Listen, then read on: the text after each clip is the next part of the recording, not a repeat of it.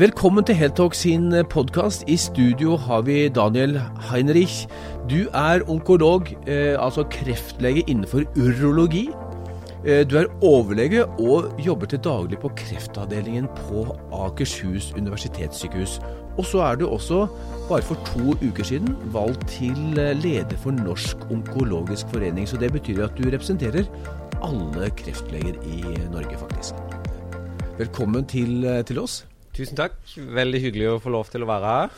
Og eh, ja, det er helt korrekt. Det er et par uker siden jeg fikk et nytt uh, verv. Et tillitsverv som, uh, som, jeg er veldig glad for og stort beæret at jeg fikk. Og, uh, og som vi, vil si meg sammen med styret, skal prøve å, å fylle godt i eh, denne oppgaven de, de, neste to årene.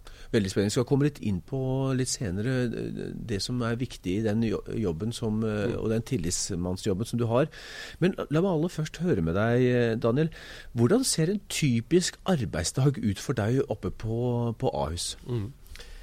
På Ahus så har vi en kreftavdeling som består hovedsakelig og først og fremst av en poliklinikk. Vi har altså ingen egen sengepost. og det vil si at de fleste møtene med pasientene de skjer jo på denne poliklinikken. Mm. Og Da er det stort sett fire eller fem dager i uka at man har direkte pasientkontakt mer eller mindre hele dagen. I tillegg så er det som er blitt veldig viktig innenfor kreftbehandling de siste årene, nemlig såkalte tverrfaglige møter. Dvs. Si mm. at vi flere ganger i uka sitter sammen med kollegaer fra andre avdelinger og i, i, mitt spesialfelt så blir det jo da urologisk avdeling, men også patologer, mm. radiologer, eh, koordinatorer, altså sykepleiere som, som eh, sørger for at pasientene har et, et, godt pasientforløp.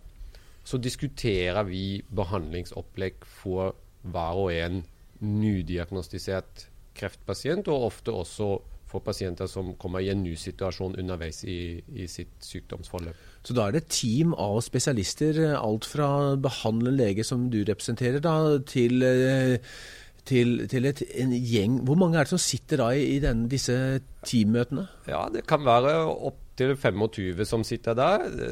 Mest vanlig er det vel kanskje et sted mellom 10 og 12.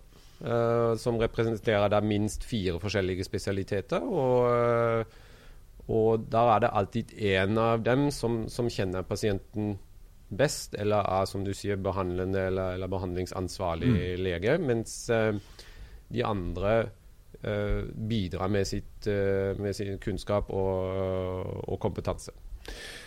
Du er jo, som vi nevnte, du er jo leder for Norsk onkologisk forening. Og, og det er ca. 1000 onkologer, kreftleger, i Norge?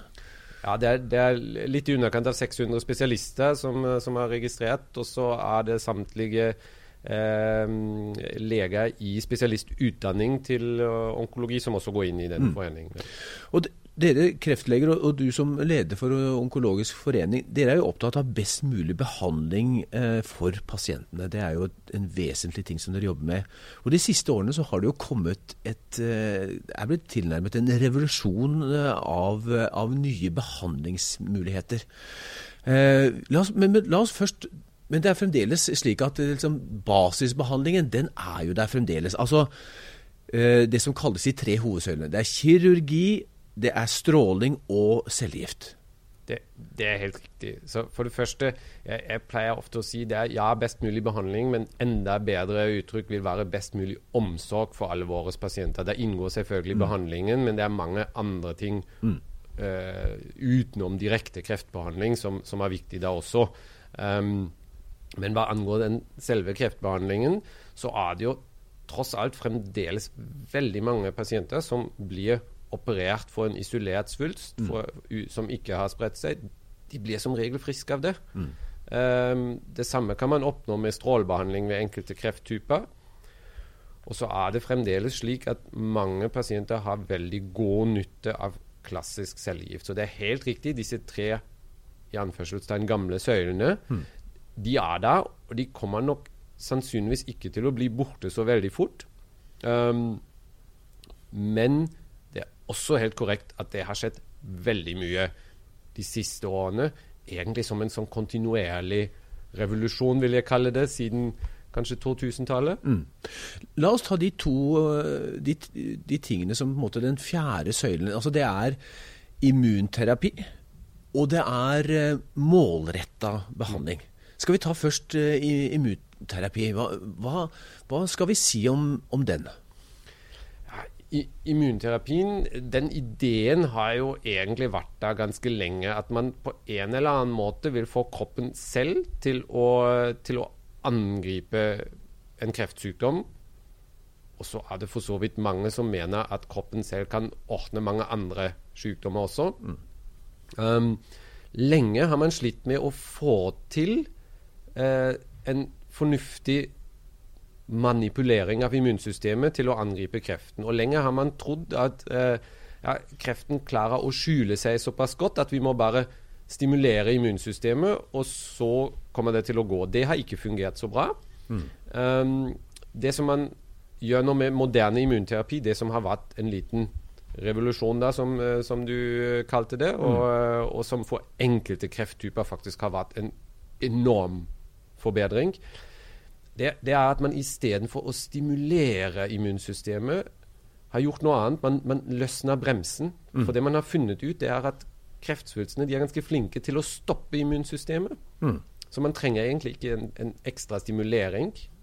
Men man må bare sørge for at immunsystemet ikke blir stoppet fra å gjøre den jobben den skal gjøre, nemlig å, å angripe unormale ting i kroppen. Liksom. Og Det var det som James Allison og Tatsuko Hono for, eh, fikk nobelprisen i medisin for i, i 2018. Nettopp å finne disse to eh, bremsemekanismer, CTLA4 og CTLA2, var ikke det som, som de, de, fant ut hver for seg?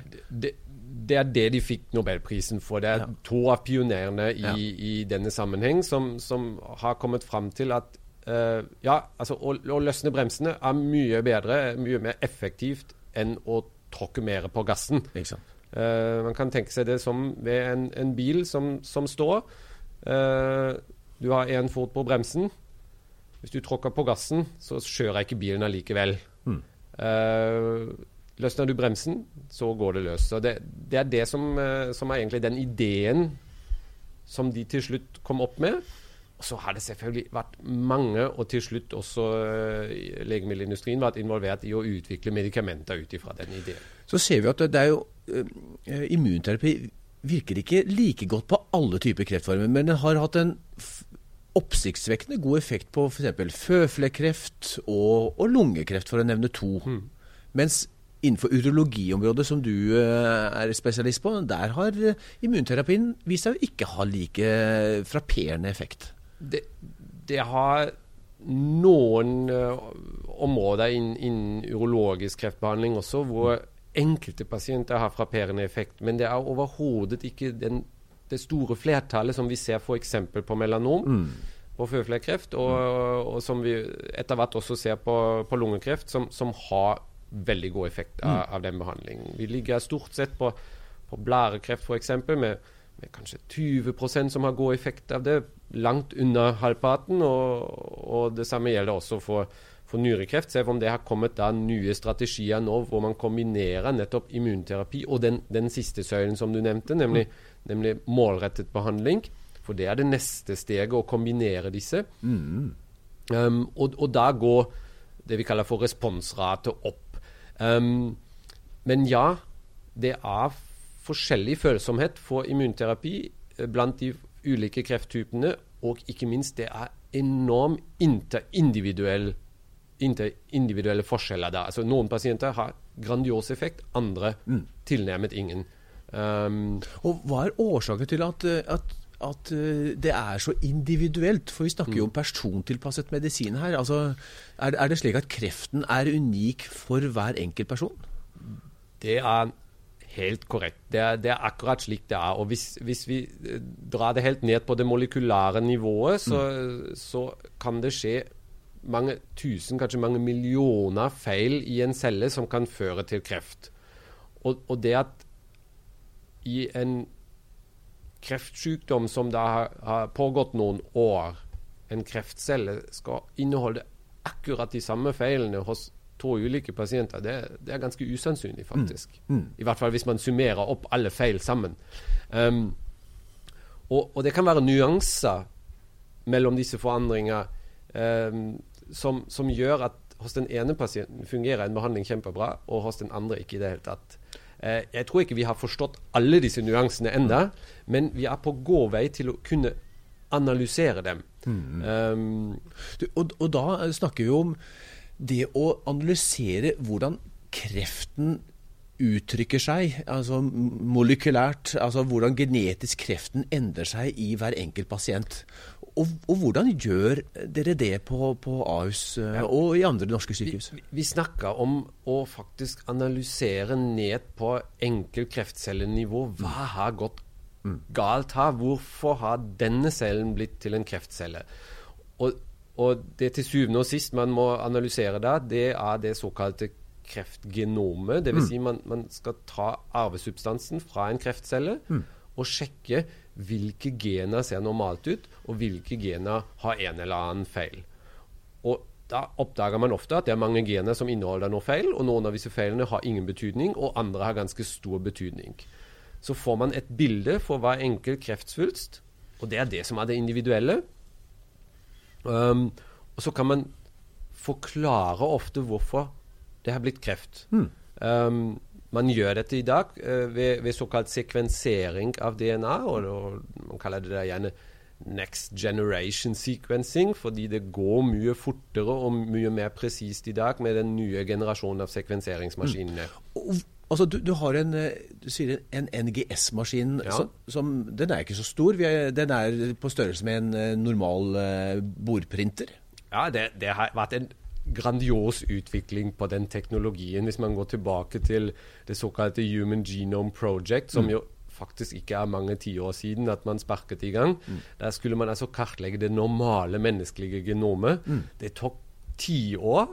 Eh, og mange forskergrupper verden rundt og gigantiske maskiner for å, uh, for å få dette gjort bare for ett genom. Um, nå putter man en prøve i en liten maskin som ikke er større enn en, en vanlig printer, uh, som, som, står på bordet, og så har man alt mellom uh, noen minutter til maks noen timer senere, så har man uh, resultatet på datamaskinen. Så, så, det som skjer er at hvis en person har kreft, så, så, gjør, gjør, man en biopsi, eller man tar et, en prøve av denne kreften? Det er fremdeles det som definerer diagnosen. Ikke sant? Uh, det, er, det, er, ofte noe som, som uh, Det er faktisk viktig å forklare pasientene. Man har tatt noen, noen røntgenbilder av en eller annen grunn, man har sett en svulst. Det er ikke automatisk en kreftdiagnose. Det er fremdeles mm. vevsprøven som bekrefter at dette er kreft. Og når vi først har tatt denne vevsprøven, uh, så har vi tidligere bare sett på det under mikroskopet, og, og patologen har fortalt oss å ja, dette her er kreftceller.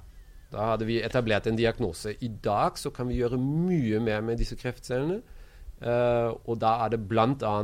denne genomiske testingen som, uh, som, er kanskje det viktigste i framtiden. Så, så, fra det, at en eh, patolog sitter og ser med et uh, forstørrelsesglass mm. på kreftsvulsten og og klarer å ta ut selvfølgelig noe egenskaper av kreften, til nå at man putter den samme prøven inn i den lille NGS-maskinen, og så kommer det i løpet av noen minutter et svar på hvilket genetisk uttrykk denne kreften har. Ja.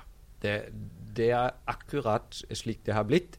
Eller jeg skal vel kanskje si slik det ideelt skal være. For fra de tekniske mulighetene som ADA, til at dette blir en daglig klinisk rutine for mm. hver eneste eh, pasient som får påvist en kreftsykdom, kanskje i hvert fall for hver eneste pasient som, som har en livstruende kreftsykdom, altså en, en kreftsykdom med spredning, mm.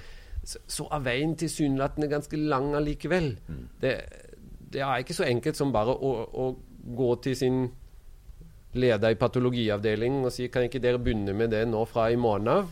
Eh, det skal noen ressurser til. Du nevnte maskinen. Mm. Eh, den kan anskaffes. Eh, det koster litt penger, og det ja, koster også penger for, for hver og en analyse.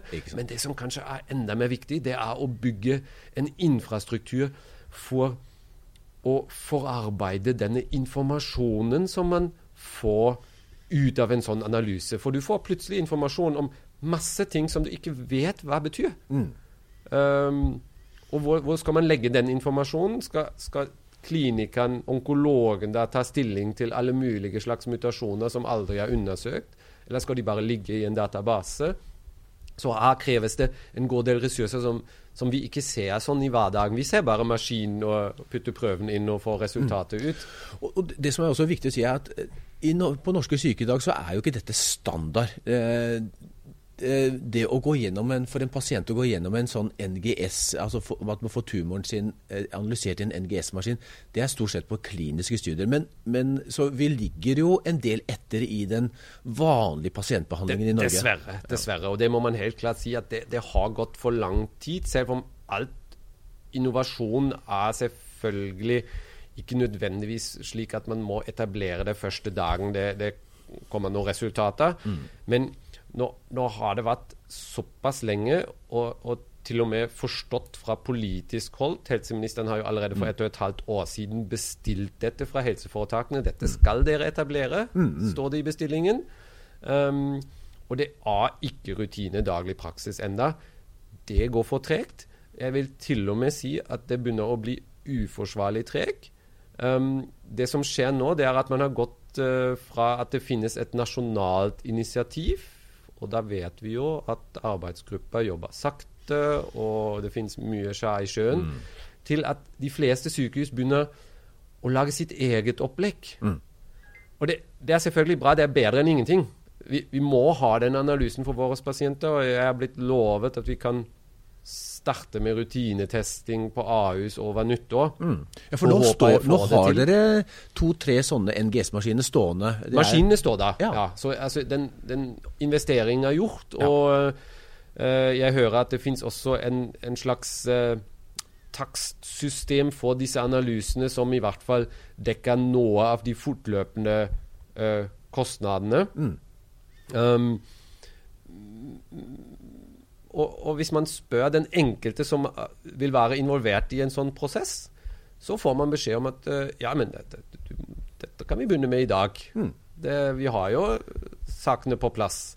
Um, men hvis man da går et hakk opp i systemet eller to, Eh, så er det ikke så lett allikevel. Da skal dette forankres sentralt. Og da er vi på Helse Sør-Øst-nivå for vårt vedkommende, og Helse Sør-Øst sier at ja, det finnes jo et nasjonalt initiativ, mm. og, og, så plutselig skjer det ikke noe allikevel. Nei, for Det som er interessant, er jo at uh, Bent Høie har sagt ja til dette. Han ivrer for dette. Vi ser jo politikerne på Stortinget, Kjersti Topp, ja. Sveinung Stensland. De ivrer for dette. Og så stopper det litt i kan vi si, kalle det sykehusbyråkratiet? For, for legene er jo ikke de som Dere er jo definitivt ikke de som, som sitter og, og, bremser på. Det er, eh, dere vil gi uh, Ja, definitivt ikke. Jeg ville bestilt i hvert fall uh, 10-15, kanskje 20 sånne analyser hver uke hvis jeg hadde muligheten til det. Mm. Um, det er riktig at, at, eh, Jeg oppfatter det også slik at Bent Høie både har forstått det og har agert riktig og bestilt dette. Um, det mangler kanskje litt på ettertrykket etter hvert. Det har gått ett og et halvt år. Ja. Man kunne kanskje fra hans uh, kontor uh, etterlyst litt raskere mm. framgang i saken. Um, men, men, jeg, jeg syns ikke at det er på det nivået at egentlig hoved uh, hovedutfordringen ligger. Det, det, er nok det å implementere det i, mm. i, daglig praksis. Og der er det sykehusbyråkrati, sykehusledelse, som, som må gjøre det. Men rett over nyttår så kommer i hvert fall du og kollegene dine på Ahus til å begynne å ta dette i bruk. Og la oss, la oss, gå litt inn i det som går på det genetiske uttrykket i kreftene. Fordi at, ok, er, Her er det jo en del Eh, altså, kreften har, eh, har, har som eh, si, alle celler i, i kroppen et, et, et, rekke gener. Og det kan være kreftgener som ALK, BRCA, EGFR-gener, som alle fremtvinger en vekst i, i, i denne, denne, krefttumoren. Ja. og når dere finner, La oss si at dere finner si et, et ALK-gen, mm. som Eh, gjør at kreften vokser. Da må det helst også da være en medisin da, ja. som, gjør, som virker presis og spesifikk for å ta ut dette alkoholgenet. Ja, det, det, er helt riktig. Det er det som er prinsippet. Man, man prøver å finne de drivende i mm. sykdommen. Altså hvilken forandring er det egentlig som gjør at denne kreftsvulsten, denne kreftcellen, formerer seg. Denne kreftsvulsten vokser. Mm. Um, og har man identifisert en eller flere sånne drivere, uh, så er det i første omgang rent akademisk, så lenge man ikke har noe behandlingsmuligheter mot det. Mm. Da kan man fremdeles bruke cellegift, mm. for det stopper jo all vekst, mm. sånn tentativ. Mm. Men mye mer intelligent vil jo være å behandle målrettet mot den feilen som er der. Ja. Og da har vi i dag kanskje et titalls medikamenter som gjør det, mm. Men det fins mange hundre gener som kan drive en, en, kreftsykdom når de er unormalt aktivert eller uteslukket i aktivitet. Og, um, og så mange forskjellige medikamenter har vi ikke ennå. Mm. Det er likevel den ene store veien kreftbehandlingsforskning går, finne målretta medisin mot hver og en signalvei eller hver og et gen som det kan være noe feil i. Uh, og det skjer så fort at det er til og med for en som, som kanskje sitter omtrent hver dag og prøver å, å, å lese seg opp på, på nye ting, det er stadig nye overraskelser. Så var det plutselig en ny mm. medisin. Mm. Så oi, dette her ser jo veldig spennende ut. Og Det som også er um, jo, jo, nærmere man analyserer en svulst, jo flere undergrupper av pasienter finner man. Enkelte av disse genene de, de er kanskje bare skadet i 0,1 0,3 mm. av kreftpasientene. Og det betyr at det blir veldig få pasienter, å, å behandle med et potensielt medikament. Og det betyr også at det vil ta veldig lang tid å få flere hundre pasienter for å bevise at dette er en god medisin. Mm. Selv om enkelthistoriene er helt enorme. Det, det, er utfordringer ikke bare på analysenivået mm. å, utvikle en ny medisin, mm. men også da deretter å få denne medisinen gjennom myndighetsapparatet og få det, få det godkjent. For dagens system for godkjenning av nye medikamenter i Norge, det som heter nye metoder, mm. det er jo ikke rigget for å se på små pasientgrupper. Nei, ikke sant. La, la, oss ta et helt konkret legemiddel som, som eh, het, Det er et, et, legemiddel som vi har skrevet en del om. Det er Vitravki. Det er ja. et såkalt tumoragnostisk legemiddel. Det betyr at uh, den ikke virker spesifikt på lungekreft, brystkreft, eller, men den virker generelt. Og den har da et NTRK-gen, hvis jeg har forstått det riktig, mm. som dette legemiddelet angriper det er kanskje bare 20-30 mennesker i Norge som har nytte av dette. Nå det, er det godkjent av EMA, eh, e altså det europeiske legemiddelmyndighetene. Det er godkjent av Statens legemiddelverk. Og så skal det da gjennom en lang metodevurdering eh, for å se om det er kostnadseffektivt, og så skal det til slutt inn i Beslutningsforum, som du sier. Eh, hva, hva, tror, altså, hva, hva tror du sannsynligheten er for at et sånt legemiddel blir godkjent? Hvis eh, man legger til grunn den prosessen eh, som har vært gjennom de siste årene, hvor, hvor, et sånt legemiddel skal testes i en stor såkalt randomisert eh, studie, hvor mm. man sammenligner standardbehandling med ny behandling, så skal man se på forskjellen i effekt og på kostnaden og beregne hva det koster ekstra for et uh, leveår eller et kvalitetsjustert leveår, mm. så vil jo ikke det være mulig å få dette medikamentet godkjent i det hele tatt. For slike studier de er jo ikke mulig. Nei. Vi vet jo ikke hvem disse pasientene var før. Vi, vi, har jo ikke noe oversikt over hvem av de mange tusen lungekreftpasienter som ble diagnostisert for fem år siden, som hadde en slik mutasjon. og se Om vi hadde begynt å teste alle i dag, så mm. har vi ikke noen kontrollgruppe å sammenligne med. Akkurat. Og, og, når man først har påvist et så spesifikt mål for en behandling, eh, så vil man heller ikke i en stor studie kunne forsvare å sammenligne det med vanlig kjemoterapi. Mm. Det, det, er helt uforsvarlig. Altså Rent e- etisk, tenker du på? Etisk uforsvarlig, ja. absolutt. Fordi, Fordi vi vet allerede at det er så mye bedre behandling hvis ja. vi gir det en målretta behandling. Mm. Um, og så var du inne på at det er kanskje 20, kanskje 30 personer i Norge per år mm. som er aktuelt for det. Og, og det gjelder hvis vi tester alle.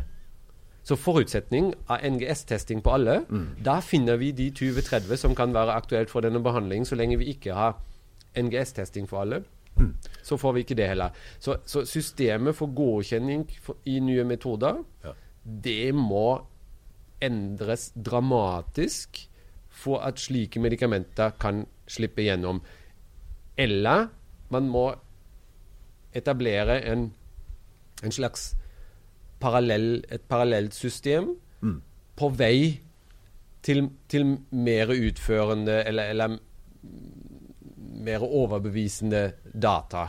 Et, et eksempel, et forslag kan være at man, at man sier at i en viss tidsperiode fra EMA og fra SLV har sagt ja, dette medikamentet er dokumentert trygg og effektivt. Da har det fått markedsføringstillatelse. Um, så får vi lov til å bruke det for de pasienter som trenger det, til en, la oss si, betydelig rabattert pris. Og på slutten av den tidsperioden har vi samlet inn mer data. Og så ser vi på dem, og er det gode data, så får den prisen lov til å gå opp. Er det ikke så gode data likevel, så blir den der nede, eller må til og med senkes. Det, det er bare én idé, men da vil det i hvert fall ikke gå ut over pasientene. Og det gjør det i dag. Hver eneste måned, hver eneste eh, dag forsinkelse av, av eh, en godkjenning gjennom dette systemet her, det er en eller flere pasienter som da kunne fått slik behandling, som ikke får det. Det må jo være veldig frustrerende som lege å se at nå har du NGS-testing. Du kan teste for dette NTRK-genet og mange andre gen. Og så finner du ut på den andre siden ja, men jøye meg, denne pasienten har jo denne genmutasjonen. Men så sier du til pasienten at eh, beklager, men jeg har ikke medisinen, for den er ikke godkjent. Og, og da er vi jo direkte på vei inn i et todelt helsevesen som ingen av oss egentlig ønsker. For er medisinen godkjent av Statens legemiddelverk, så kan den kjøpes på apoteket. Ja. Og det har en høy pris, ja, men, men det er jo absolutt folk i Norge som kan betale den. Enten av egen lomme, eller fordi de har en god sykeforsikring. ja, ikke sant? En privat sykeforsikring. Um, men det er sikkert ikke flertallet. Um, og, og for meg som lege Dette går mot alt som, som jeg ønsker å, å være og stå for. Jeg ønsker at hver og en pasient som kommer inn på kontoret mitt, og som har en sykdom som man trenger hjelp for, får den beste behandling som fins. Uh, jeg pleier ofte å si verdens beste kreftbehandling skal mine pasienter få. Og, og der er det, det er ikke bare frustrerende, det er en, eh, en, tilnærmet en katastrofe at vi ikke har muligheten til det i alle tilfeller.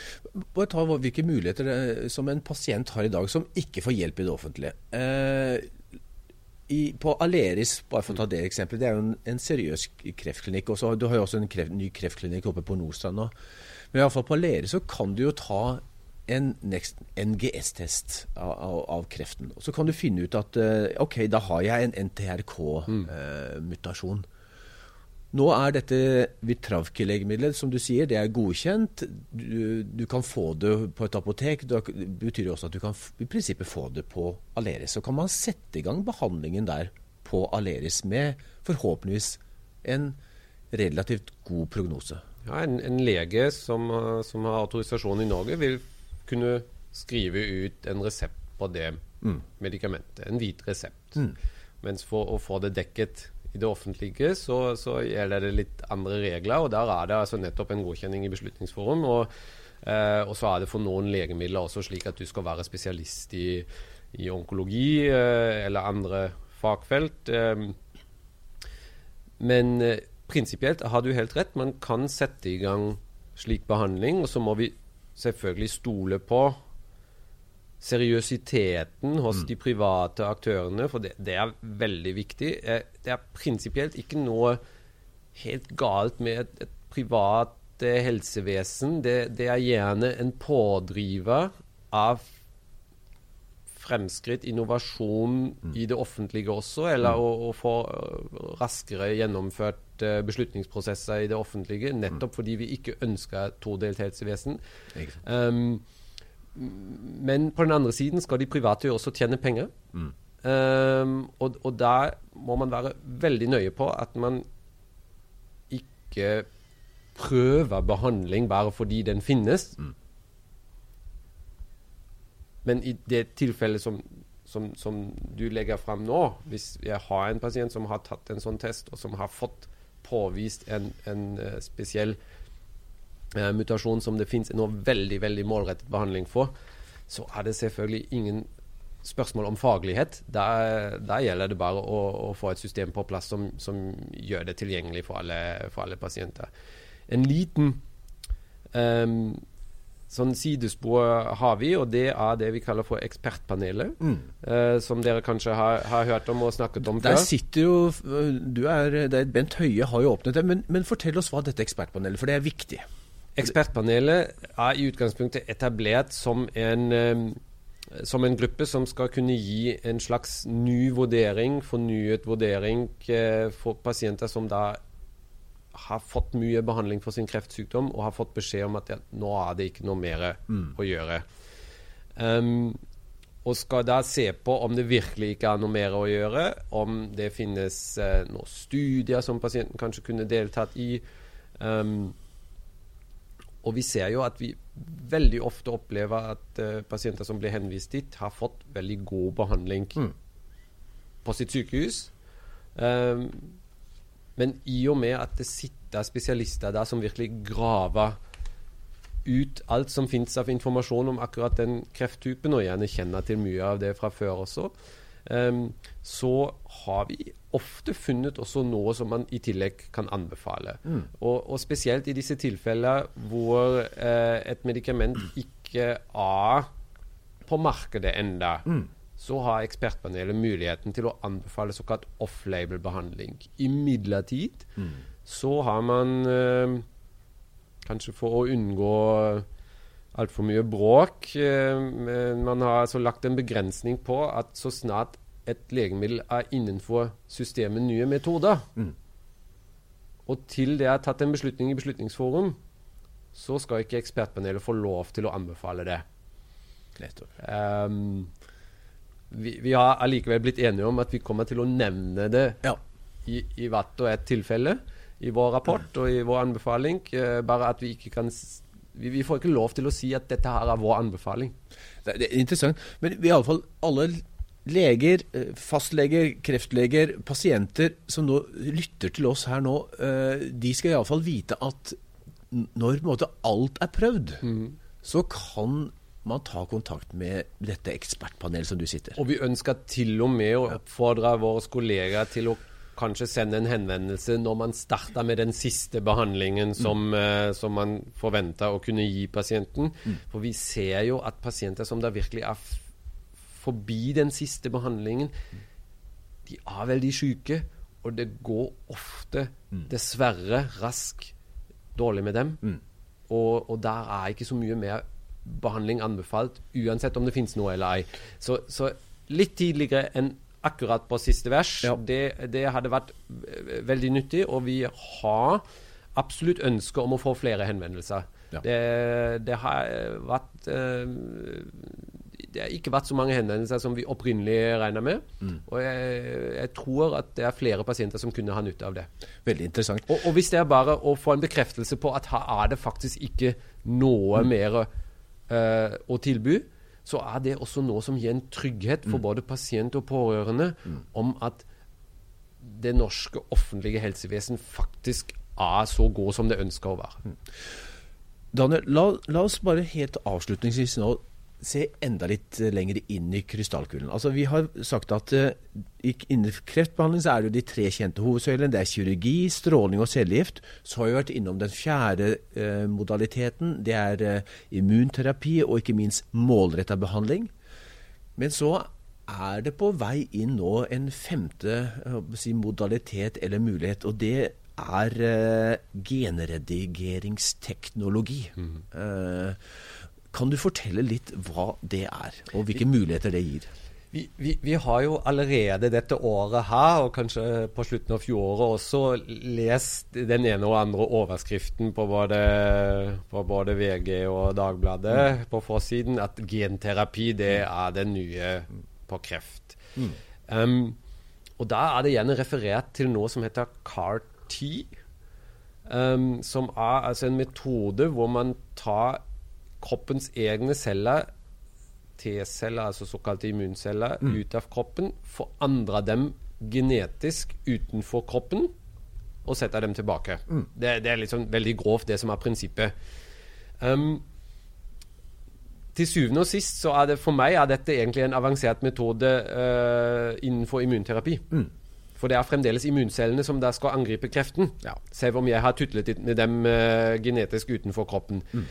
Den virkelige genterapien som til slutt kanskje og forhåpentligvis kan kurere de aller fleste krefttyper, det måtte være en teknikk hvor man har analysert med NGS alle feil som er i kreftcellen. Mm. Og så har man et verktøy som man kan sprøyte inn i kroppen, som kan klippe ut disse feilaktige genene, disse muterte genene, i hver eneste kreftcelle og lime inn friske gener. Høres veldig enkelt ut når jeg sier det sånn. Ikke noen helt ny idé, så det har forskere sittet og grublet på i mange mange år allerede, hvordan man skal få det til. Mm. Um, men den ene forutsetningen, nemlig at man kan analysere hele genomet, mm. den er oppfylt nå. Den er der, ja. Um, og jeg er ganske sikker på at jeg i min, min uh, gjenværende yrkesaktiv tid kommer til å oppleve det at vi også kommer dit at det, det jeg ville da kalt for ordentlig genterapi, ja. uh, at, at, det blir en standardbehandling for kreft. Um, men i motsetning til ny utvikling innen målrettet behandling og så videreutvikling av den nye immunterapien, mm. som vi kan lett spå vil skje fortløpende hele tiden, og, og, dermed også i større grad de nærmeste årene, så, så, ser jeg nok kanskje for meg at det spranget til en, en skikkelig genterapi, det, det, det, er et litt lengre stykke fram. Um, samtidig som, hvis vi går tilbake ti år, og ser på hva slags muligheter vi hadde da, og hva vi har i dag, mm. så, så, så, vil jeg ikke eh, være forundret hvis vi har det allerede om ti år. Fantastisk. Kanskje litt positivt, men allikevel. Og for de av våre lyttere som ønsker å google litt om dette, det, er, eh, det kalles CRISPR-teknologi med C? Ja, det er, det er, kanskje det som er litt sånn inngangen ja. til det. Ja. Uh, det vil fremdeles ikke være akkurat det jeg skisserte nå, men, mm. men det er på veien dit. Det, det er en start. Ja. Daniel, det har vært eh, utrolig spennende å, å snakke med deg. Eh, vi må snakkes igjen. Du har masse på hjertet, eh, både innenfor eh, jobben som du har som eh, leder for alle kreftlegene i Norge, og ikke minst i, i, din erfaring fra klinikk. Tusen hjertelig takk for at du ville komme. Veldig hyggelig å få være her, og takk selv.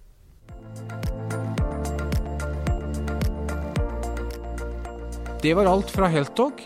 Vi høres igjen neste uke.